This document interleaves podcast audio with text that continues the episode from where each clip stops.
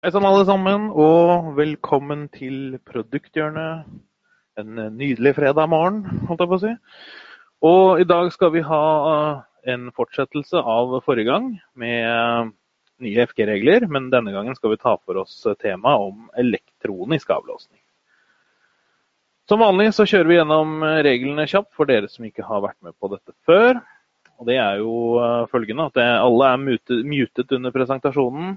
Eh, så dere kan ikke ha toveiskommunikasjon med oss, men fortvil ikke. Vi lar dere få muligheten til å skrive inn spørsmål fortløpende i chat-funksjonen.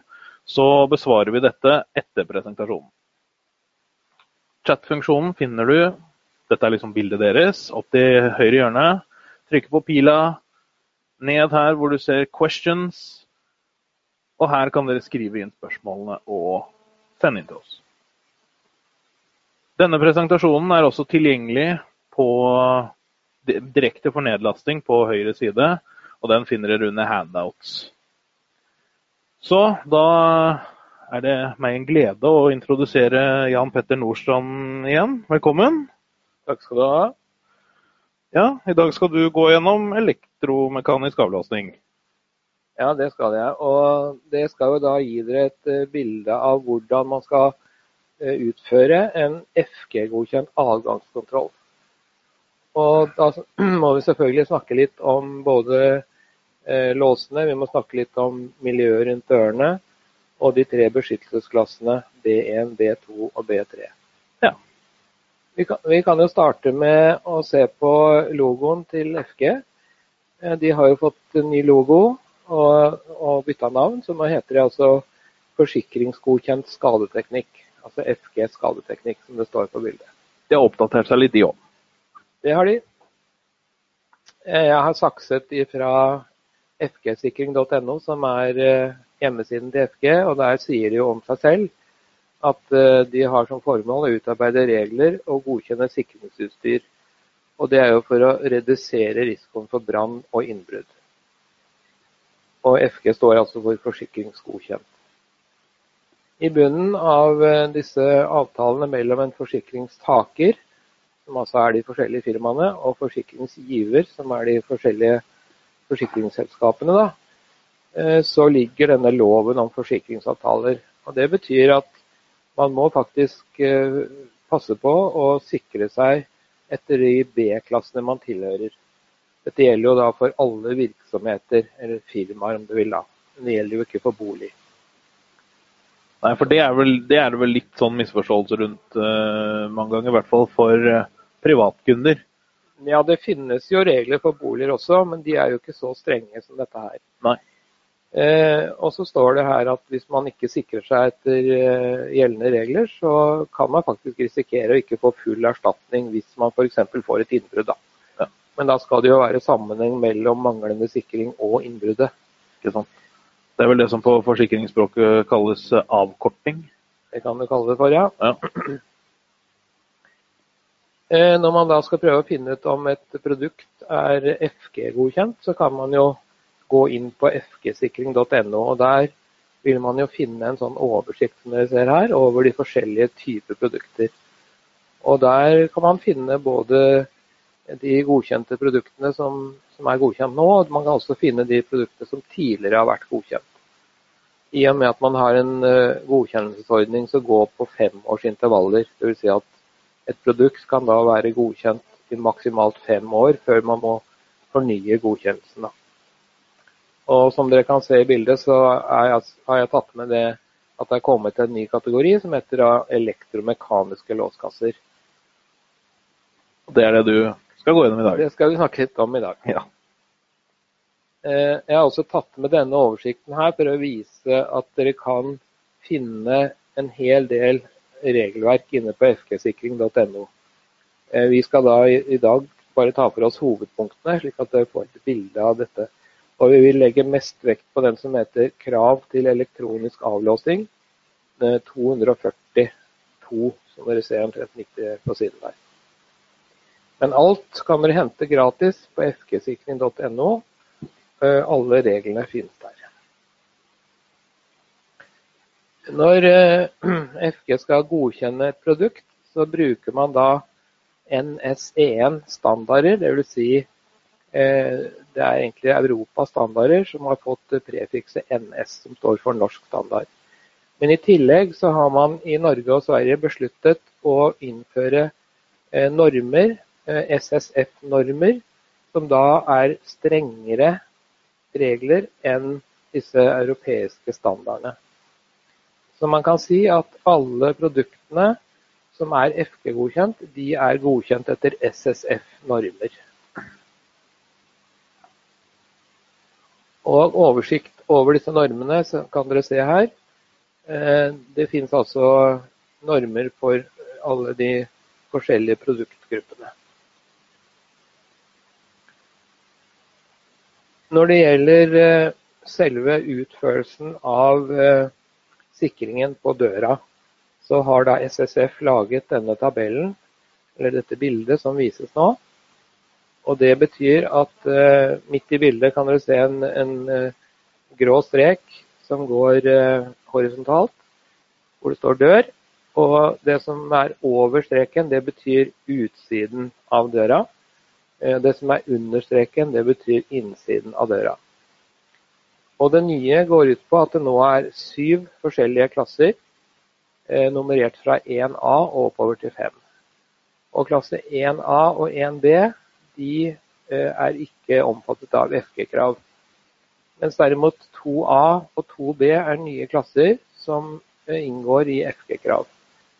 Og Det innebærer at man der bruker en FG-godkjent låskasse, og på utsiden av døra har en FG-godkjent sylinder. På innsiden av døra kan man enten ha knappvrider eller et panikkbeslag eller et ettgreps rømningsbeslag dersom døra er en såkalt lovpålagt rømningsvei. Det betyr at den er skiltet med rømningssymbol. Og Når det gjelder klasse 3, 4 og 5, så er det også FG-godkjente eh, klasser. Akkurat som det har vært før også. Og En oversikt på det kan dere se her. Eh, klasse 1A og 1B hopper vi altså over. Klasse 2A det er da FG-godkjent utside, dvs. Si FG-godkjent sylinder og låskasse og sluttstykke selvfølgelig. Og rømning i risikoklasse 1 4. Det betyr da med knapperider. Og så har vi klasse 2B, som er da FG-godkjent utside også der. Men der har vi da muligheten for ettgreps åpning fra innsiden med enten et nødbeslag eller et panikkbeslag. Og Det er da godkjent i risikoklasse 1 til 6. Og Så ser dere det at uh, klasse 3, der skal låsen tåle 700 kg. Klasse 4 er det 8000 kg. Og klasse 5 er det da minst 1500 kg. Det er forskjellen på de tre øverste klassene. Da. At, det, at låsene blir mer og mer solide. Det var jo en grei oversikt, egentlig. Ja, det var bra. Så skal vi se litt på hva en elektronisk avlåsning innebærer, og krav til de forskjellige komponentene. Og da er det også her slik at vi har tre beskyttelsesklasser, akkurat som i mekanisk. Det er ikke noe forskjell på det. Det er B1, B2 og B3. Og Hvis vi starter da i B1, så er kravet der at det skal være én FG-godkjent lås. Og hvis vi har uh, rømningsvei f.eks., så kan man velge å ha en uh, knapperider på innsiden av døra, som bildet viser. Men den skal da være med plombert plastkopp. Dvs. Si at det skal stå en plastkopp over den knappvrideren. Og Da skal uh, denne være overvåket, slik at hvis noen bruker den knappen, eventuelt nøkkel i sylinderen, som er på utsiden, så skal det anses som en ulovlig passering og skal utløse alarm.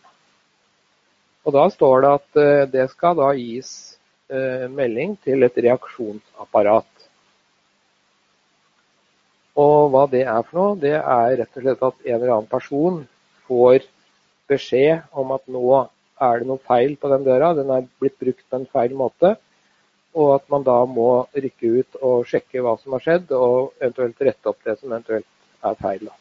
Ja, for det jeg tenkte på første gang jeg hørte reaksjonsapparatet, var at det må være en vekter og kanskje en FG-godkjent alarmstasjon. Og som jeg vidt skjønte på deg, så er ikke det feil det heller. Det er riktig det, men det fins andre løsninger også. Ja, man kan selvfølgelig velge å ha FG-godkjent alarm og FG-godkjent uh, alarmstasjon med, med, vekter. Det vil jo være kanskje det aller sikreste. Ja. Men det står ikke helt slik i regelverket. Det står bare at det skal være et hensiktsmessig reaksjonsapparat. Dvs. Si at noen får beskjed, og noen gjør noe med det. Riktig. Det er jo veldig greit å, å vite hva som på en måte innebærer i det kanskje noe eh, kompliserte ordet. Ja, det kan du si. Og dette er jo da et eksempel på det vi kaller for en 2A-løsning, som dere ser på bildet. Ja. Det som er nytt, er jo det at man nå krever kryptert kommunikasjon i alle klasser. Og Det betyr at man har da en kommunikasjon mellom selve låsen og en styrenhet eh, som ikke kan manipuleres. Altså Det betyr at man kan ikke f.eks. kortslutte noen ledninger og få låsen til å åpne, eller tilføre spenning for å få låsen til å åpne. Det er da slik kryptert kommunikasjon eh, man definerer det. Mm. Kryptert digital kommunikasjon. Da. Det hindrer jo det at du ikke bare, som du nevnte, du kan ikke bare kortslutte eller tilføre en spenning eller et signal, og så åpner den. Du, du må ha verifisert i begge ender. Ja, nettopp. Eh, og der har man altså et unntak i disse nye reglene, og det gjelder da klasse 2A og 2B. Og som dere sikkert husker, så var det altså der hvor du har lovpålagt rømningsvei med knappride på innsiden av døra, eventuelt nødbeslag på innsiden av døra. Da kan du bruke en lås som ikke er kryptert. Eh, disse reglene her de gjelder jo nå, og de gjelder også videre fra 1.1 neste år. Men i dette året, altså 2019, så har vi en overgangsordning som gjør at du kan velge å bruke gamle regler nå. Men fra 1.1 neste år, da må du bruke de nye reglene. Er det anbefalt å gå over til de nye reglene allerede nå, eller? Ja, vi vil jo anbefale det, selvfølgelig. At man uh, oppdaterer seg og mm. tar i bruk de nye reglene. For de må du ta i bruk uansett. Ja, ta dem i bruk først som sist. Ja, det er like greit. Ja. Så da skal vi se litt mer på selve adgangskontrollen og de enkeltkomponentene som det består av, og kravene til det. Og Hvis vi tar låsen først, så vil jo den være eh, styrketestet akkurat som vi gjør med de mekaniske låsene. Dvs. Si at eh, minstekravet er da klasse 3, altså 700 kg. Det er det minste låsene skal tåle. Og vi har jo ulike eh, motorlåser f.eks. som er godkjent i ulike klasser. Det finnes både klasse 3-låser, klasse 4-låser og klasse 5-låser. I selve adgangskontrollsystemet så er det jo kortleser, det er en sentralenhet og en lås, da, og selvfølgelig en del kabling av koblingsbokser. Eh, alarm og reaksjonsapparat det snakka vi så vidt om i stad. Eh, og når det gjelder selve kortleseren, da, som du finner på innsiden og utsiden av døra, så skal den være slik at man da kun leser av koden på kortet, og eventuelt da man taster på en PIN-kode der. Men det skal ikke være noe relé eller noen form for åpningssignal fra selve kortleseren. Det skal komme fra en eh, node eller en DAC eller en, en eh, sentralboks på innsiden av døra. Da. Det kalles da for delt montasje. Og Det er jo den måten man sikrer at ikke det er så enkelt å bryte seg inn. Eh, og så står det videre at koden, og det er da på kortet eller brikke, skal ikke kunne leses visuelt. Det betyr rett og slett at du kan ikke bruke strekkoder eller hullkort, som du rett og slett kan se med blotte øye hvordan koden ser ut. Og at koden på kortet eller brikken skal ha minst 100 000 varianter. Det er altså det nummeret eller det den betegnelsen som da ligger inne i selve kortet eller brikke. Og så er det PIN-koden, som jo vanligvis er fire siffer. Og den, det er nok for å få 10 000 varianter. Så skal det være sabotasjesikring, som betyr at eh, hvis noen prøver å brekke opp denne kortleseren, slå den i stykker eller på annen måte ødelegge, eh, så skal det gis da en alarm i systemet som gir beskjed til et reaksjonsapparat igjen. Og Det står også helt tydelig at utenom arbeidstid skal kort og kode benyttes for passering. Og Det betyr altså at du må ha kortleser på innsiden av døra og kortleser på utsiden av døra med tastatur. For økt sikkerhet. Ja, det gir jo den beste sikkerheten. Det jo det. Sentralenheten den skal da plasseres på et sikra område, altså inne, inne gjerne. Og den skal også være sabotasjesikra, dvs. Si at det skal være en mikrobryter som passer på at døra er lukket og låst. Og eh, hvis noen da bryter opp den, så skal det også gå alarm i systemet. Selve programmeringen den er jo å gjøre seg ofte via en PC, slik at der har man jo egen pålogging da, på de som er autorisert for det. Så ser vi litt på installasjonen her. Og Hvis vi starter på utsiden, så har du da ofte en kortleser, som vi allerede har snakket om. Og på innsiden så har du også da en kortleser, men du kan ha en åpningsknapp. Den skal da være tidsstyrt, slik at den åpningsknappen bare fungerer i normal åpningstid for denne bedriften. Eh, karmoverføring trenger du gjerne for å få kabling til låsen. Og skjult installasjon av ledninger, slik at den ikke ligger tilgjengelig. Helst da på avlåst side. Styrenheter skal være skjult, og legg merke til at her skal det være sabotasjekontakt også på styrenhetene. Strømforsyning med batteribackup det kommer vi tilbake til, slik at eh, det sikrer at dette eh, anlegget skal fungere. Og Har du andre koblingsbokser, så skal også det være sabotasjekontakt på den. Og at eh, disse kablene ikke skal merkes slik at det er lett å forstå hva de brukes til. Du må gjerne merke dem med en eller annen kode, nummer eller bokstav, men sånn at det ikke blir forståelig for uvedkommende. Så tilbake til eh, dette med nødstrøm. Og her står det da i FGs regelverk at eh, adgangskontroll, FG-godkjent adgangskontroll skal ha batteribackup som sørger for at systemet skal virke i fire timer, minimum fire timer etter at strømmen er gått. Og Det skal også overvåkes, slik at hvis det blir noe feil med batteribackupen eller strømmen, så skal det også gi signal til eh, et alarmsystem som gir beskjed til reaksjonsapparatet. Dette er vel, eh, dette er vel nytt uh, i reglementet nå, er det ikke det? For det ja. vel, vi anbefalte vel fire timer før, vi også. Men det er vel først nå at det har blitt et krav? Det er riktig det, at uh, det er et krav, ja. Og at man da skal ha fire timers driftstid også, må man være oppmerksom på. Mm. Og det må man jo da gjerne regne ut. slik at en enkel tommelfingerregel for å regne det ut, det er rett og slett å benytte 0,5 ampertimer per punkt. Altså det betyr per dør med adgangskontroll. Mm. Og man kan også gå inn i en standard eh, hvor man finner en regneformel hvor man kan regne ut det samme. Men for å gjøre det litt enkelt, så kan man regne en halv ampertime per punkt. Ja. Og vær også oppmerksom på at hvis du bruker eh, den FG-godkjente adgangskontrollen til å styre alarm, så er det egne backup-tider for styringen av alarmen. Slik at hvis man f.eks. har alarm i grad 2, altså FG-godkjent alarm i grad 2, så skal den styringen fungere i 12 timer etter strømbrudd. Og har du grad 3, så skal styringen fungere i 30 timer etter strømbrudd. Men det gjelder bare for den delen av adgangskontrollen som styrer alarmen. Riktig, så da kan eh, dører og sånne ting kan på en måte slukne, men selve sentralutstyret som er med på å gi alarm eh, videre, det skal leve i oppgitt etter grad 2 og 3, som du nevner der. Ja, nettopp. Og Det er helt tilsvarende som gjelder for selve alarmsystemet, da, når det gjelder mm. antall timer. Så har vi laget et regneeksempel, slik at alle skal forstå hvordan man finner ut hvor stor backup man egentlig trenger. Og her har vi tatt da et eh, nokså gjennomsnittlig adgangskontrollsystem med åtte dører.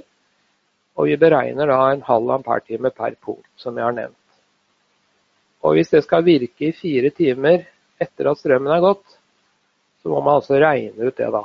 Og da blir det jo, som regnestykket viser her, det er åtte dører. Så er det en halv ampertime per dør. Og så skal det vare i fire timer. Og da får vi altså 16 ampertimers batteri for at det skal være riktig og FG-godkjent. Så Slik kan man regne ut det veldig enkelt. Ja. Går vi da videre til eh, å se på B1-kravene, så ser dere her et eksempel på en B1-dør med eh, kortleser på utsiden. Og vi har da valgt en eh, motorlås i døra. Og her er det altså en 2A-løsning, som betyr at den motorlåsen her den behøver ikke å være kryptert. Her kan man bruke en vanlig analog motorlås. Men den må selvfølgelig være FG-godkjent. da. Og Siden vi er inne på elektronisk avlåsing, så er jo dette kanskje eh, høyaktuelt eh, akkurat her. Men som vår eh, gode kollega Rune Orderud pleier ofte å nevne, så er det dette med trafikk i døra.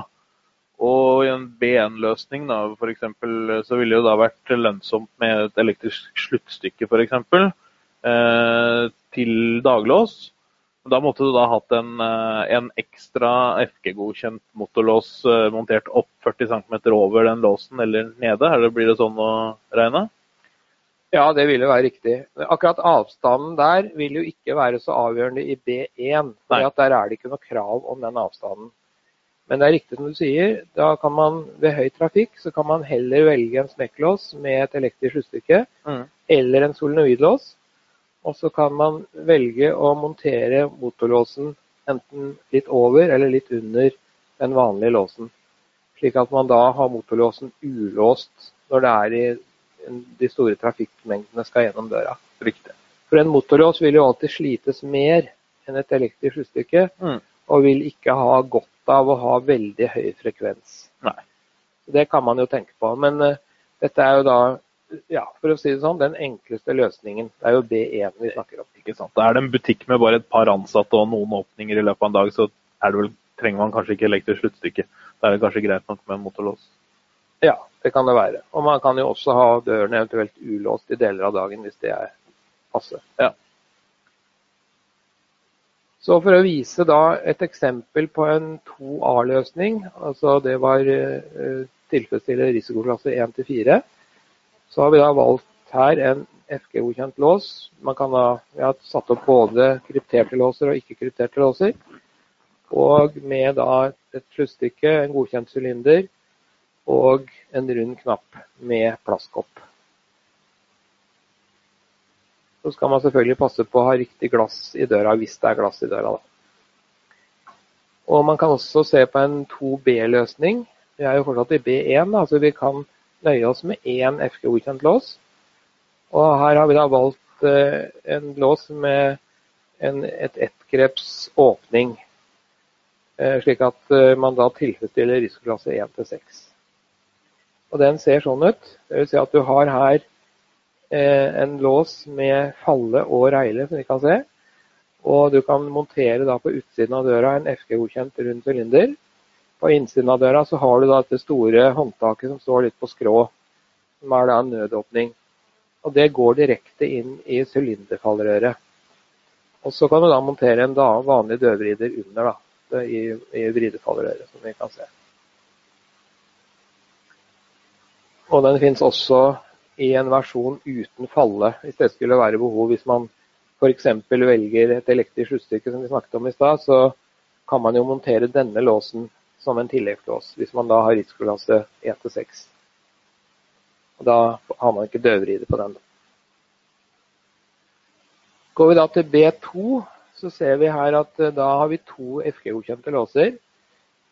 Eh, og det er jo alltid nå i B2 at du skal ha to FG-godkjente låser.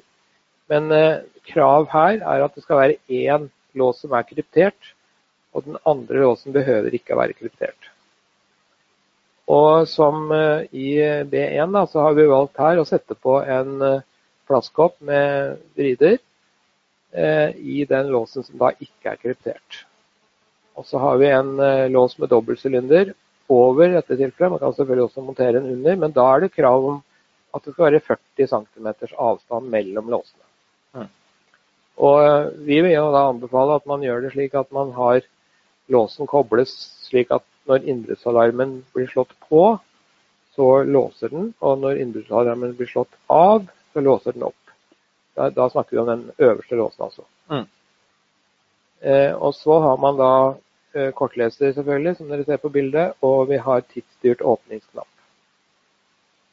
Riktig. Skulle vi hatt noe høytrafikkalternativ her, så hadde det vel blitt uh, sluttstykket istedenfor den midtre motorlåsen da, som ikke er kryptert, og så hadde du montert en ukryptert nede f.eks. og en kryptert oppe. da. Ja, det kunne man gjort. Eller to krypterte kunne man også gjort. Ja. Så da ville i så fall ha blitt tre låser i døra. Hvorav mm. den ene er da ikke FG-godkjent, og to er FG-godkjent. Riktig. Og Et eksempel på det er jo her en 2A-løsning. Da er det altså én motorlås som ikke er kryptert, med knapprider og plasskopp. Og så har vi da én motorlås med hakereile som er kryptert med dobbeltsylinder.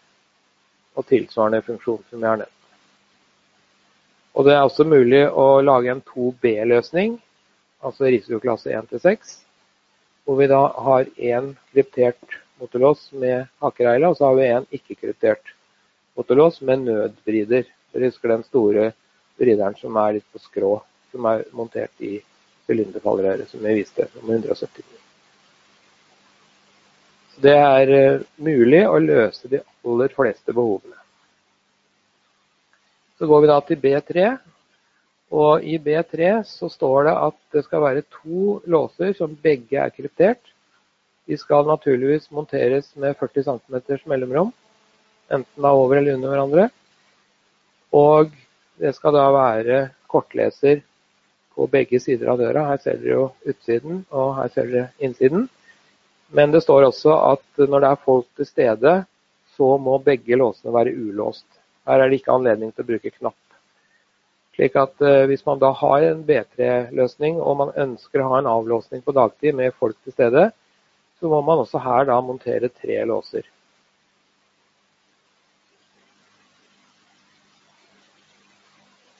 Så en liten oppsummering. Eh, vi har eh, i B1 en eh, kryptert FG-godkjent lås. Vi har i B2 to låser, hvorav den ene må være kryptert. Og vi har i B3 to krypterte låser. Men altså unntakene er fortsatt i B1 og B2 at man kan velge en 2A-løsning, som da ikke betinger kryptert lås. Men jeg har laget en liten huskeliste her, sånn at man skal lett kunne få en oversikt over hva som egentlig gjelder. Og jeg har satt øverst alltid kortleser med tastatur på begge sider av døren. Jeg tror det kan være fort å glemme, men det er faktisk et krav. Så skal det være tidsstyrt åpningsknapp på innsiden. Det gjelder da i B1 og B2. Og så skal det være én FG-godkjent lås i B1 og hvis det er en 2A eller 2B-løsning, så trenger den da ikke være kryptert. Eh, og så skal det være to FG-godkjente låser i B2, og der skal den ene være kryptert. Og i B3 så skal det være to FG-godkjente låser hvor begge skal være kryptert. Og en 2A eller 2B-løsning den kan du velge i B1 og B2 dersom døra er merket med rømningssymbol. Og Det kalles da for lovpålagt rømningsvei i FG-terminologi. da. Husk også på å regne ut at det skal være fire timers batteribackup. Regneeksempelet har dere, så dere kan bare putte inn de riktige verdiene der, antall dører, og så får dere ut svaret ganske så enkelt. Husk også at alle bokser, kortlesere, eh, sentralenheter skal være sabotasjesikra og at det skal være tilknytning til alarm med reaksjonsapparat. Og Der er det én spesiell ting som er verdt å merke seg. at Hvis du velger å bruke sonesikring i B2, så skal det være FG-godkjent alarm og FG-godkjent FG vekter. Men det står det ikke i de andre klassene. Så det gjelder kun i de tilfellene hvor du har en B2 med sonesikring. Da skal det altså være FG-godkjent. Og Husk også på at du alltid må sikre etter de mekaniske reglene som gjelder, altså med bakkantbeslag, riktig type glass, sikring av glass osv. Så sånn at at du har en helhet her. Og Det gjelder også nå krav til vegger, slik at man også tenker på det. At det skal også være tilstrekkelig.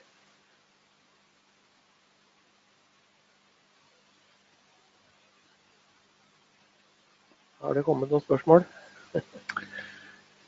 ja, det har kommet ett spørsmål. Uh, og vi kan jo kjøre gjennom det. Men uh, før vi kjører gjennom det spørsmålet, så vil jeg bare oppfordre alle dere andre som ikke har stilt spørsmål ennå, til å skrive spørsmålene inn nå. Vi, kommer, vi, sitter et par minutter nå, så ser vi om det kommer inn noen spørsmål fra dere. Men Jan Petter, det første spørsmålet det lyder som følger. Eh, jeg har tidligere oppfattet på deg, Jan Petter, at eh, nytt regelverk gjør at motorlås med knappvrider og nødkopp ikke lenger er en godkjent løsning, slik vi ofte har praktisert tidligere. Jeg ser jo her at i klasse 2A og 2B så vil det være OK. Dette at jeg regner på et anbud der det kun står i spekken at det skal benyttes FG-godkjent lås. Forutsatt at det ikke henvises til noen spesiell klasse, kan jeg da presisere motorlås med nødkopp? Ja, det kan du jo gjøre, men da ville jo jeg tatt et forbehold om at det gjelder for B1. Slik at man ikke i ettertid får da et krav om at ja, men dette var jo ikke B1, dette var B2 f.eks. For, for da vil jo det medføre en vesentlig endring av avlåsningen med ekstra, en ekstra lås. da. Riktig. Og Så er det et annet uh, spørsmål her om bakkantbeslag. Finnes det FG-godkjent bakkantbeslag? Nei, det finnes ikke FG-godkjente bakkantbeslag. Og det er fordi at uh, det er ulike typer bakkantbeslag til forskjellige typer dører. F.eks. så har tredører én type bakkantbeslag, mens aluminiumsdører har en annen type bakkantbeslag. Og i ståldører så er jo ofte bakkantbeslaget sveisa fast. Slik at det er også for så vidt greit nok. Bare det er solid nok, så er det, så er det greit. altså. Så egentlig kravet er bare at om det skal være Kravet til FG-godkjenning er at det skal være bakkantbeslag. Ja, er det bakkantbeslag, så er det godkjent, på en måte. Ja, det kan du enkelt si, ja. Mm. Og så er det en som ikke får lastet ned FG-regelen eller presentasjonen. Eh, om den blir ettersendt, jeg kan godt uh, sende den til deg, det er ikke noe problem. Men uh, jeg vet ikke om det er noen flere av dere som, som sliter med det skal i hvert fall ligge på høyre side der, og så når du trykker på den, så kan den vel kunne lastes ned. Men jeg kan sende den videre. Jeg kan sende den til deg etterpå. Ja, Foreløpig har det ikke kommet noen uh, nye spørsmål. Dette her eide du tydeligvis, uh, Jan Petter. Det er ikke så mye spørsmål. Nei, det er jo, det er jo bare å spørre. og Jeg er jo tilgjengelig uansett, så er, man kan sende mail eller ringe. Eller. Ja, ja. Så behøver ikke å spørre nå hvis du kommer på noe seinere. Så det er bra, det også. Det er også en mulighet, selvfølgelig. Men hvis det er noen som vil ha noe på direkten da, som, som, flere kan uh, måtte nyte godt av, så skal vi si det sånn at vi, vi sitter i to minutter til. Da, sitter til uh, fem over. Og så kan vi se om det kommer inn noen uh, Kommer inn noen nye her. Så bare grip muligheten nå til å, til å sende inn.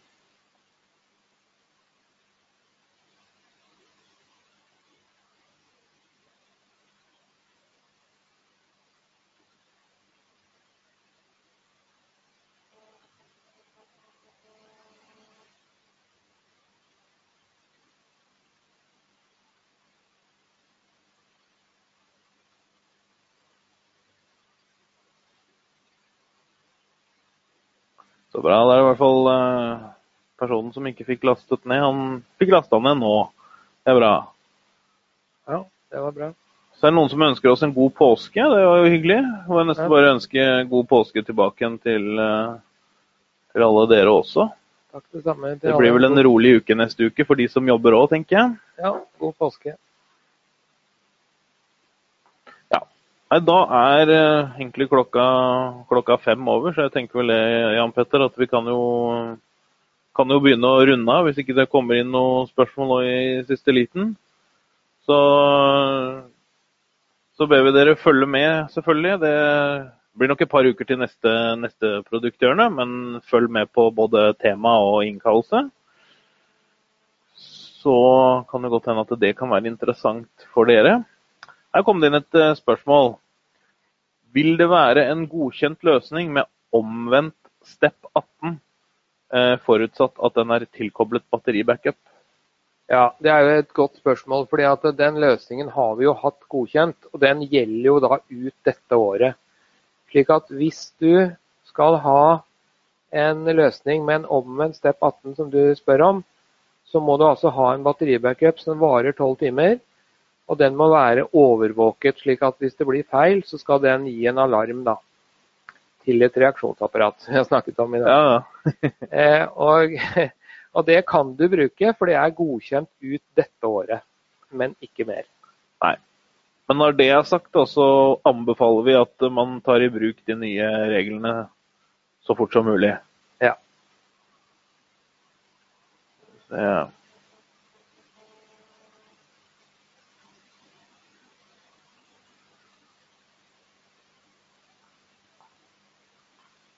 nei, da ser det vel ikke akkurat ut som at det har kommet så fryktelig mange flere spørsmål. Eh, Der kom det et, ja. Eh, en som spør om eh, er det ikke riktig at motorlåset skal plasseres nede og ikke oppe? Det hørte jeg også noe om en gang i tiden. Jeg vet ikke om det er et rykte eller om det er noe feiltolking? Ja, det er sånn at eh, det er laget en teknisk spesifikasjon som heter TS3160. Og Der er det flere aktører som har vært med på å utarbeide den spesifikasjonen. Og Der står det at eh, låsen skal plasseres 40 cm under den vanlige låsen. Eh, så Sånn sett så kan du si at det er en, en slags regel. Men det er jo ikke forbudt å sette låsen over hvis man heller vil det. Eh, Så det er egentlig et valg. altså. Det finnes ikke noen spesiell regel for det. Altså FG stiller ikke noe krav til det. Nei, FG stiller ikke krav til det. Riktig. Men da vet dere i hvert fall det, da, at uh, i forhold til FG så har det ingenting å si om låsen plasseres oppe eller nede. Selv om det er et annet regelverk som du refererer til, som flere aktører har vært uh, innblanda i, som anbefaler å plassere den nede. Ja, Det er jo av hensyn til handikappa mennesker. Ikke sant? Men det viktige for FG det er at det er 40 cm avstand mellom de to låsene. Mm. Det er viktig når det er krav om to låser. Ja. Sånn at uh, kravet om, uh, om å plassere låsen nede, det er mer sånn universell utformingshensyn, da. Ja. Ja. Så da kan man jo også ta det inn i bildet. Men for FG så, så har, har, har ikke det noen ting å si. Men uh, da tror jeg vi runder av, jeg, Jan Petter. Og så ja. takk for at du igjen eh, kjørte gjennom eh, en runde med oss. Det blir vel i hvert fall ikke siste gangen, tror jeg. Nei, det. Ja. Og eh, for alle dere andre, eh, tusen takk for at dere hørte på, og ha en riktig god påske. Følg med for eh, nye innkallinger til eh, produkthjørnet, så håper vi at dere deltar på det. Ha en eh, riktig fin dag og kveld og helg, og ikke glem å besvare vår spørreundersøkelse. Ha det bra!